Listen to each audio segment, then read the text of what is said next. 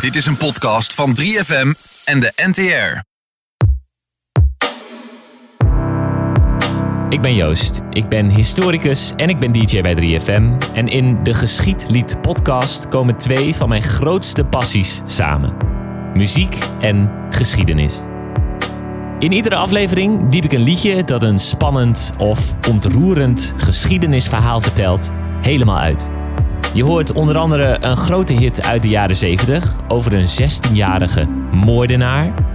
Eight school children and a police officer were wounded when the teenage sniper opened fire on the schoolyard across the street from her house. Then 16 year old Brenda Spencer barricaded herself inside the house, telling police she wanted to shoot some more. Ik vertel je over een liedje van Old J. Dat gaat over het tragische lot van twee oorlogsfotografen.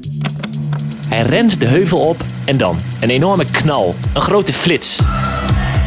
Kappa is op een landmijn gestapt. Er wordt meters en meters de lucht in geslingerd.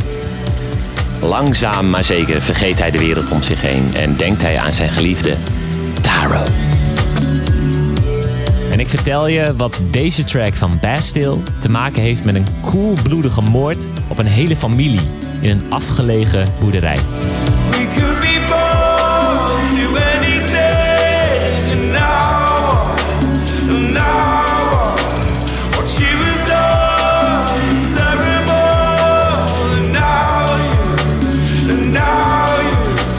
Abonneer je en check de Geschiedlied podcast vanaf 23 september wekelijks in je favoriete podcast app.